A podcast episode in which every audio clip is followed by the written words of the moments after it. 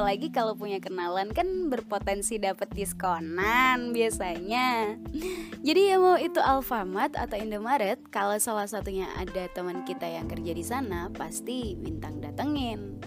Apalagi kalau punya gebetan yang kerjanya di minimarket bukan berpotensi untuk diskonan lagi tapi mungkin gratisan. Ya jalan lebih jauh nggak apa-apa lah ya demi ketemuan sama teman atau gebetan.